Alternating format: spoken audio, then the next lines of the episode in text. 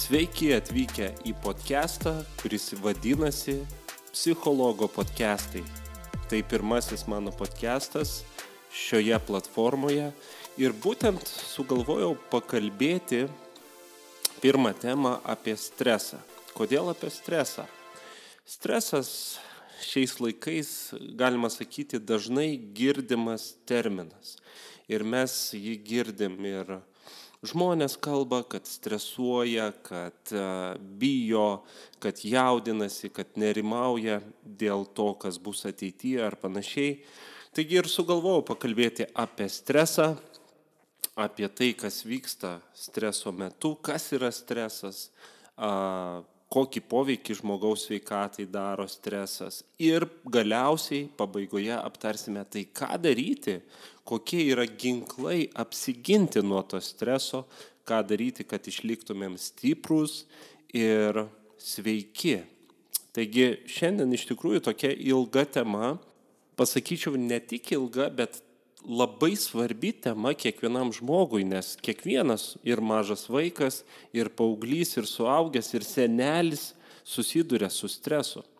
Kas įdomu, tai šitas terminas būtent atsirado maždaug 20-ame amžiuje. Ir vienas žinomiausias streso tyrinėtojas yra Hansas Selje.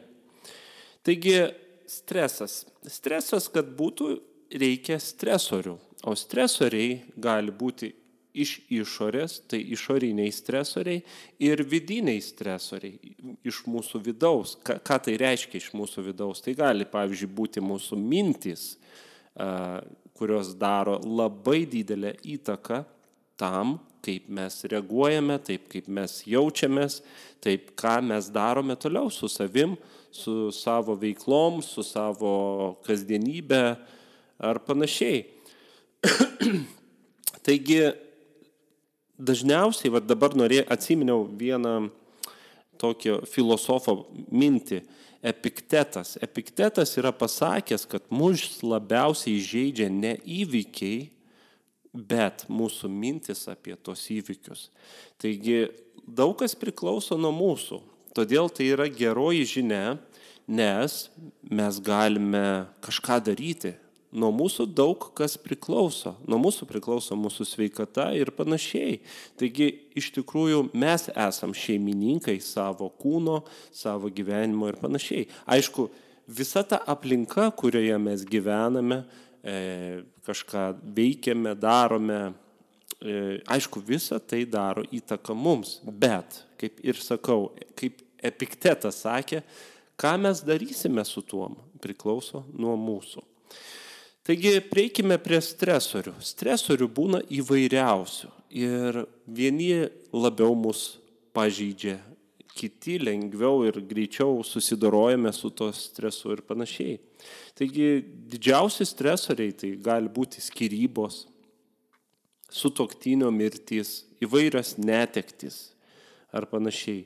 Dar įvairiausių stresorių galim prigalvoti. Uh, artimin, artimo giminaičio lyga kažkokia, lygos, nebūtinai artimo giminaičio, galbūt tavo lyga.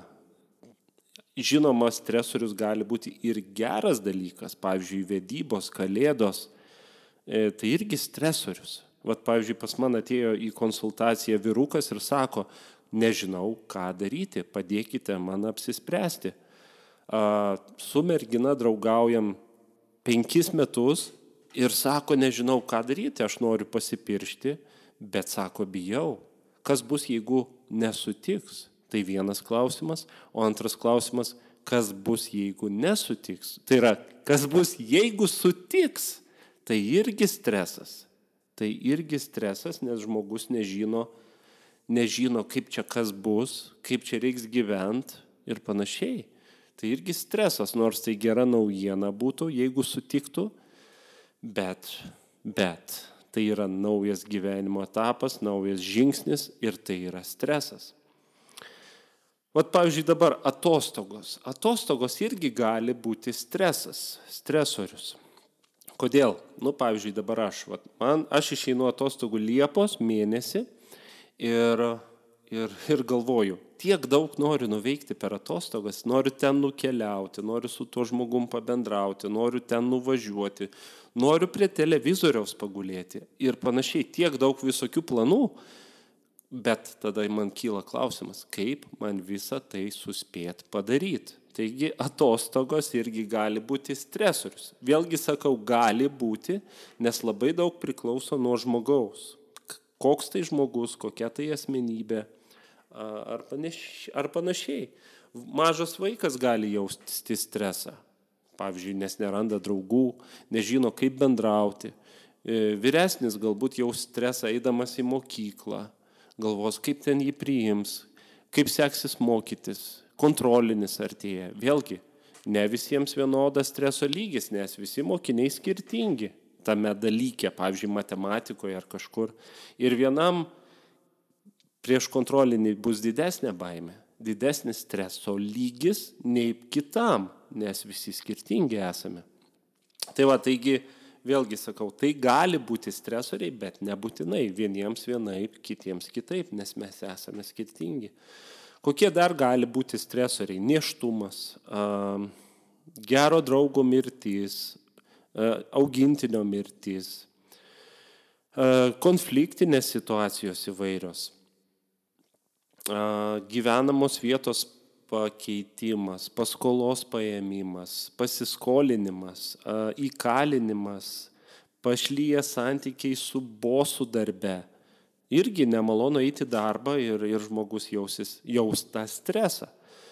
Tai, o stresas yra emocinė būsena. Dabar noriu pasakyti tokį dalyką, kad yra, tarkim, emocijos.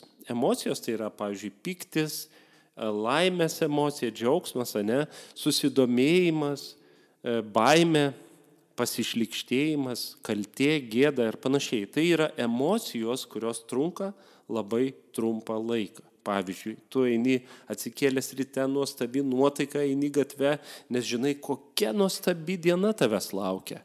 Bet staiga užkliūni už bardiūro ir išgriūni. Iš karto emocija pasikeičia. Tai čia vienas atvejis, gali būti įvairiausių, įvairiausių atvejų. Pavyzdžiui, paskambina kas nors, kažkokią naujieną praneša, kurios tu nesitikėjai, staigiai tavo emocija pasikeičia. Taigi emocijos keičiasi. Ir, jo, ir tai yra normalu, viskas čia yra gerai. O stresas, stresas yra emocinė būsena. Tai reiškia, kad tai nėra emocija, kaip mat, baime, piktis ar panašiai ir keičiasi labai greitai. E, stresinės būsenos trunka ilgiau. Il, tai yra ilgesnį laikantį, laiką trunkantis aspektas. Tai va, tai žmogus stresinėje būsenoje gali būti ilgesnį laiką.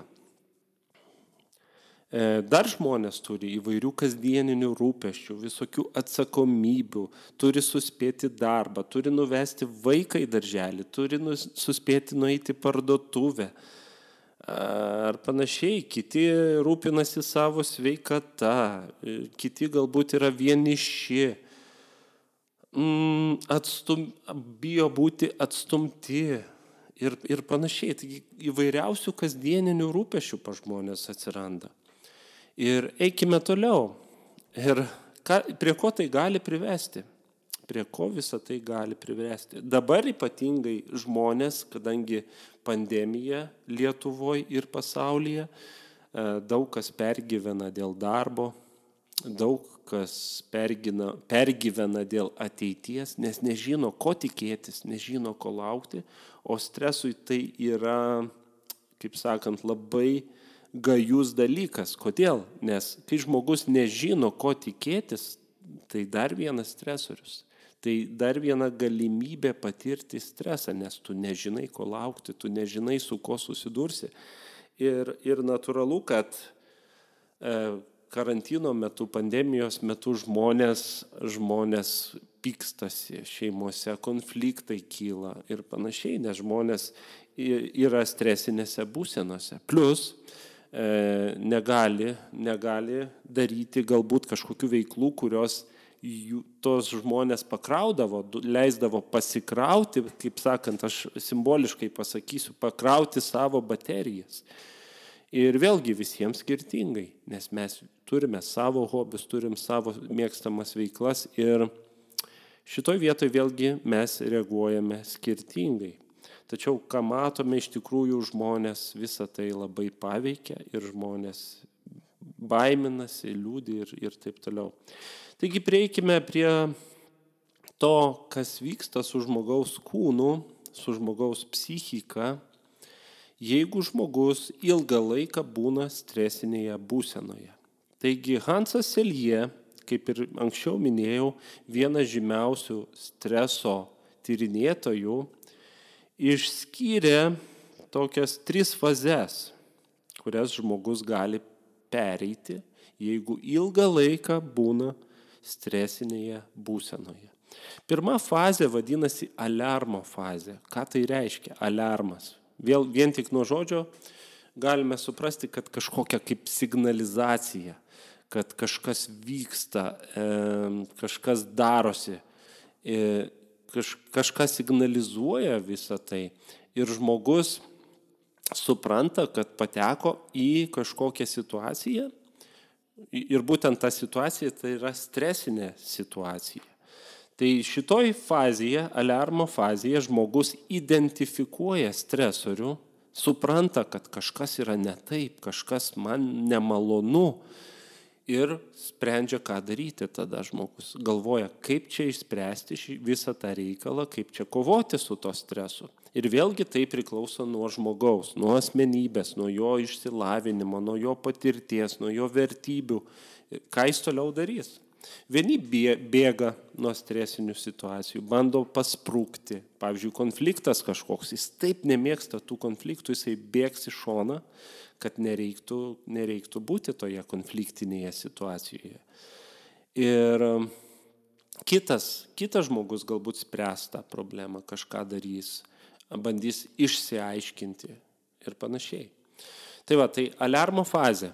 Žmogus supranta, kad kažkas vyksta ir renkasi, ką daryti. Žinoma, organizmas, kūnas sureaguoja į tą stresinę situaciją, į tą stresorių. Kaip, kaip kūnas gali reaguoti? Tai pavyzdžiui, drebulys, sprukimas, pasiruošimas sprūkti, kažkas galbūt rėkia, kažkas verkia, padažnėja kvepavimas, žinoma, sukyla emocija, galbūt pyktis, galbūt baime ir panašiai. Taigi, jeigu žmogus susitvarko su stresoriu ir stresorius daugiau jo nekamuoja, tuomet viskas labai puiku, viskas labai gerai ir viskas užsibaigia. Tačiau jeigu tas stresorius neišnyksta, žmogus nesugeba išspręsti tos problemos, prieinama antra fazė, kuri vadinasi pasipriešinimo fazė. Ir čia organizmas bando, bando toliau normaliai funkcionuoti, stengiasi veikti įprasta vaga, eiti įprasta vaga, tačiau išsiskiriantis streso hormonai neleidžia to padaryti. Išsiskiria adrenalinas ir kortizolis ir jų didelį kiekį neleidžia organizmui normaliai funkcionuoti. Ir tai gali pakeisti žmogaus, pakengti žmogui, gali pakengti jo fiziniai sveikatai ir panašiai. Ir jeigu žmogus susidoroja su tuo, arba jam kas yra žmonių, kurie palaiko, kurie padeda, žmogų, padeda žmogui, tai žmogus gali išsikapstyti ir viskas bus gerai. Tačiau jeigu prieinam trečią fazę, kuri vadinasi išsiekimo fazė, išsiekimo fazę, vien tik iš pavadinimo galim suprasti, kad žmogus praranda energiją, praranda jėgas, kurios gali ir neatsistatyti, jeigu nepavyks susidoroti su stresu. Taigi žmogus gali prieiti prie tokios būsenos, va, paimkim pavyzdį taip simboliškai, mobilus telefonas, ne? jeigu matome bateriją išsikrauna, ką mes darome? einame ir pakrauname tą telefoną. Bet jeigu neturim pakrovėjo, kas, kuris pakrautų tą bateriją, va čia tada vyksta ta problema. Jisai išsikraus ir mes negalėsim paskambinti, negalėsim išsiųžinutės, negalėsim eiti į internetą, nes jis užges ir neveiks, kol jo nepakrausim. Tik tai su telefonu yra taip, kad jeigu mes kažkada atrasim pakrovėją, mes jį galėsim greičiausiai atgaivinti. O žmogų, jeigu jisai iki galo išsekins savo jėgas, praras visą energiją, nu, apie energiją dabar čia nenoriu kalbėti, nenoriu išsiplėsti, apie energiją, pavyzdžiui, kalba Freudas, jisai sako, kad yra tokia gyvybiškai svarbi energija, kuri vadinasi libido, kuri palaiko mūsų gyvybinius procesus. Ir, ir jinai reikalinga vat, tokiems dalykams, pavyzdžiui, kaip kovai su stresu, ne? Ir žingsnis po žingsnio, jeigu, vat, natūraliai, jeigu mes esam stresinėje būsenoje, mūsų ta energija sukaupiama, kad būtent kovotų su to, stres, su to stresu, kad būtų įveiktas stresas. Bet jeigu mums nepavyksta įveikti, mūsų resursai vis, būtent tos energijos resursai vis sunaudojami ir sunaudojami ir sunaudojami ir tos energijos lieka vis mažiau ir mažiau. Ir tada žmogaus baterija, simboliškai sakant, išsikrauna vis labiau ir labiau. Ir tada žmogus gali pradėti sirgti, nes tiesiog organizmas neturės jėgų atstovėti prieš kitas lygas, prieš infekcijas, prieš virusus visokius, nes tiesiog išeikvota energija ir nėra kaip atstatyti tos energijos, nes vis kovojama ir kovojama su to stresoriu, pavyzdžiui. Tai, va, tai ir tada žmogų gali privesti prie lygų, o pats baisiausias, kas tai gali būti, tai mirtis, kas be ko. Žmogus tiesiog išsenka arba miršta nuo lygos kažkokios ir paskui užrašoma, kad mirė nuo tokios lygos. Bet esmė tai buvo, kad Jisai buvo stresiniai būsenoj. Jisai negalėjo susidoroti su to stresu. Tai va, tai geriausia su stresu susidoroti kuo greičiau. Pačioj pirmoji fazėje, alarmo fazėje geriausia visą tai užbaigti, kad, kad vėl organizmas atsistato tada ir, ir, ir viskas būna super. Kas yra pastebė, pastebėta, vat, vieną įdomų tokį eksperimentą vat, pateiksiu jums. Buvo toks tyrimas atliktas ir buvo norima pažiūrėti, kaip stresinė būsena, stresas daro įtaką net žaizdų gyjimui. Ir buvo paimti studentai, vieni studentai, kurie susižeidė sesijos metu. Ką tai reiškia? Tai reiškia, kad jie jautė stresą.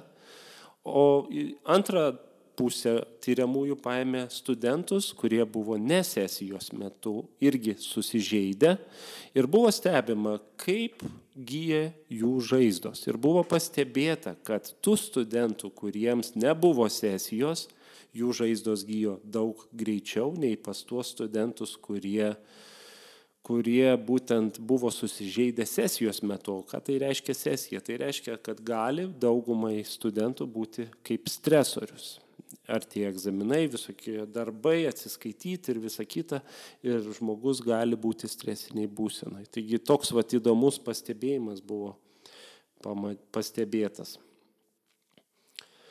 Taigi kiekvieną kartą, kai mes susidurėm su stresoriu, tai gali būti, pavyzdžiui, nu, skirybos, tarkim, iš darbo atleidžia, praranda darbą žmogus ir Kaip jis reaguos, daug kas priklauso nuo jo, nuo jo mąstymo būdo, nuo jo patirties, nuo jo įsitikinimo, nuo jo tikėjimo galbūt. Ir, ir kaip jis reaguos, kokia jo bus emocinė reakcija ir kokia bus fiziologinė reakcija. E, pavyzdys. Pavyzdys. Įsivaizduokite, pasimatymė yra vaikinas ir mergina, ir vaikinas lydi merginą į namus ir staiga pamato šunį. Eina, šu, bėgioja šuo kažkoks, loja ten ir panašiai. Ir jo mergina jam sako, šitas šuo serga pasiutlygė. Ir vaikinui į atmintį šitą informaciją įėjo ir pasiliko. Taigi tas vaikinas užėjo į svečius, palidėjo namo, išgėrė arbatos, pasisvečiavo ir jau laikas jam eiti į namus. Išėjo iš laiptinės ir pamatė tą šunį. Ir tas šuo yra jau dabar daug arčiau nei tada buvo. Ir žiūri, tas šuo bėga tiesiai pas jį. Jis atsimena, jisai atminti turi tą informaciją, kad šitas šuo serga pasiutlygė. Nors tai tik tai žodžiai. Tai buvo jo mergino žodžiai, kur galbūt gali būti subjektyvus, nebūtinai teisingi, bet jisai to žodžius priėmė kaip tiesą ir turėdamas šitą informaciją suprat, apmastė, ką, grei, ką reiktų daryti iš tokioj situacijoje, jeigu atbėga pasiūtlygė sergantis šuo. Ir ką jisai darė? Jisai suprato, kad bėgti negalima. Bėgti, jeigu bėgsi nuo šuns, tai jis tave vysis. Bet kadangi jis turėjo informaciją, kad šitas šuo serga pasiūtlygė, greičiausiai jam vienodai, ar tu bėgi ar nebėgi, tada jis nusprendė bėgti. Ir smegenyse visą tą informa informacijos apdorojimas įvyko labai greitai ir jisai pasirinko sprūkti, bėgti kuo greičiau. Ir jisai taip stipriai bėgo, jam sukilo baimės emocija. Ir taip stipriai bėgo, kad susiplenčiojo kojos ir jis nugriuvo.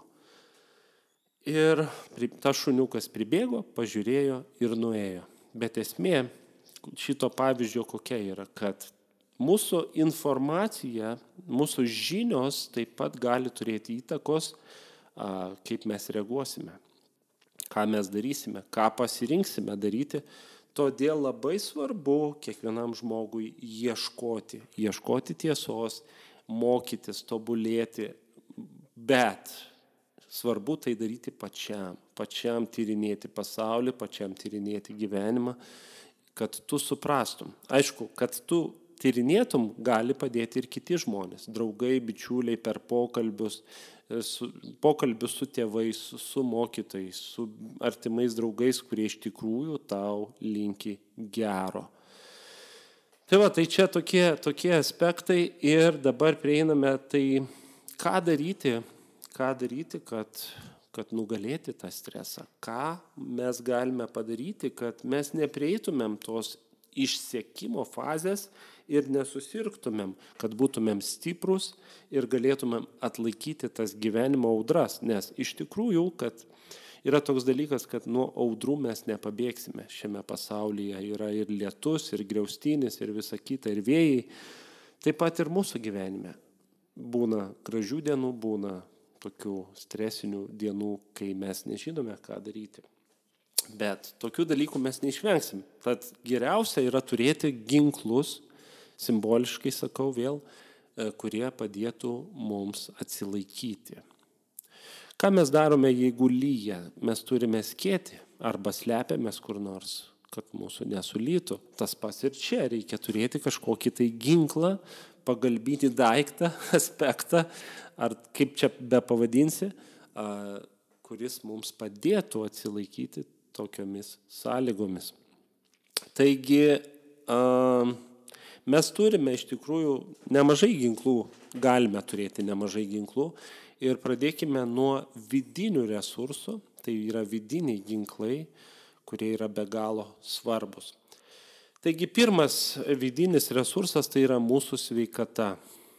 Mes turime puoselėti savo sveikatą, mes turime rūpintis savo sveikatą. Ir, ir, ir, ir jeigu mes rūpinamės savo sveikata, sveikai maitinamės, judame, būname saulėje, griname ore, gamtoje ir panašiai, tai, tai, tai mes būname stipresni. Ir jeigu mūsų sveikata tvirta, tada stresiniai būsenoj ta energija nukreipiama tik tai kovai su stresu. Nereikia tos energijos dalinti, pavyzdžiui, kovai prieš infekcijas, kovai prieš virusus ar panašiai, kovai prieš tą lygą, nes visa tuo metu, jeigu tu esi sveikas, visa ta energija nukreipiama kovai su stresu ir viskas. Bet jeigu žmogus yra lygotas, tada reikia energijos ir ten, ir ten, ir, ir tada energija suskaidoma. Ir tada žmogui sunkiau susidoroti su to stresu, nes ne visa energija nukreipiama kovai su stresu. Štai kodėl labai svarbu rūpintis sveikata. Ateities podcastuose kalbėsime, ką daryti, kad būtumėm sveiki psichiškai ir fiziškai. Tai čia dar tik pirma laida, tai ateityje tikrai dar daug svarbios informacijos bus. Taigi, šita, šitas tai tikrai. Na, o dabar antras resursas, vidinis resursas, kuris yra be galo svarbus, kur šiais laikais ypatingai jisai užkišamas kažkur į lentynas ir, ir nieks apie tai nekalba, bet čia yra vienas iš svarbiausių resursų. Ir va todėl šiais laikais žmonės daug kas susiduria ir su depresijom, su visokiom nerimais ir taip toliau, nes, nes nežino, nežino informacijos. Tai vienas iš svarbiausių resursų tai yra vertybės ir nuostatos. Vertybės ir nuostatos. Labai daug kas priklauso, kaip mes reaguojame, apie ką mastome, kodėl būtent taip mastome, būtent tokioj situacijai. Daug kas priklauso nuo mūsų vertybių. Ir dabar aš čia neišsiplėsiu, nekalbėsiu, kokios tos vertybės turi būti, čia kiekvienam individualiai kiekvienas turi savo gyvenimą ir galbūt ateityje irgi padarysiu podcastą apie vertybės, kur pakalbėsime, tai iš kur tos vertybės ateina, kaip jos formuojasi ir panašiai. Tai va, tai čia noriu tik pabrėžti šiandien šitoje laidoje, kad labai svarbios yra vertybės. Štai čia yra du resursai, būtent vidiniai resursai, kurie e, labai stipriai padėtų kovoje su stresu. Tai yra mūsų sveikata ir antras mūsų vertybės įsitikinimai nuostatos. Prieikime prie išorinių resursų. Išoriniai resursai tai gali būti mūsų žmonės, aplinkui esantys žmonės, kurie mus palaiko sunkia akimirka, būna šalia e, ir palaiko įvairiais būdais, bendraudami, išklausydami, būdami šalia, gali padėti instrumentiškai, gali padėti gauti informacijos ar panašiai, nes vėlgi informacija yra labai svarbu, nes jei kuo daugiau informacijos tu turi, tada tu žinai, ko tikėtis ir tada streso lygis sumažėja. Tai aplinkiniai žmonės gali padėti būtent irgi tokiais būdais, suteikiant informaciją. Tai va, tai išoriniai resursai tai ir yra žmonės. Žmonės. Iš tikrųjų, mes vieni kitiems turėtumėm būti atrama, pagalba ir stiprybė. Čia norėčiau atsiminti, na, nu, va, tokį pavyzdį duoti ir atsiminti Nika Vojčič. Yra toks veikėjas, e, buvo Lietuvoje atvykęs pas mus ir kalbėjo labai, labai svarbės, svarb, svarbius dalykus. Tai jisai pasakojo, kad būdamas vaikas, jisai norėjo, turėjo suicidinių minčių, nes jisai galvojo, kad jo gyvenimas bus beprasmis, neturės šeimos, bus vienišas, neturės ką veikti gyvenime, nes jis neturi rankų ir kojų. Taigi buvo tokios mintis pas jį, kas jam davė stiprybės atsilaikyti sunkiomis akimirkomis. Būtent žinojimas, kad jis yra mylimas, kad yra tėvai, kurie jį myli ir priima į tokį, koks jis yra. Taigi, vat ir išorinis resursas. Tai yra išorinis resursas, tai būtent buvo tėvai, kurie palaikė, palaikė jį. Nors jam nežinant, tiesiog, tiesiog kasdienybėje buvo rodė savo meilę, rūpestį ir panašiai. Tada jisai suprato, kad yra žmonės, kuriems jis yra svarbus. Tai va čia toks pavyzdys kaip a, išorinio resurso. Na, dar galiu pavyzdį pateikti, pavyzdžiui, psichologas. Ne, yra toks darbas ir psichologas konsultuoja žmonės su įvairiom problemom ir panašiai. Ir ateina žmonės, ką daryti? Gauti palaikymą, gauti supratimą, išsikalbėti, pakalbėti su kažkom apie jam svarbias problemas. Taigi vėlgi tai būtent naudojamas išorinis resursas, būtent bendravimas, bendravimas su žmonėm, kurie tave supranta, kurie tave palaiko, kurie su tavim būna, atjaučia ir panašiai. Taigi štai tokie resursai išoriniai ir vidiniai, kuriuos šiandien norėjau jums pristatyti ir pakalbėti.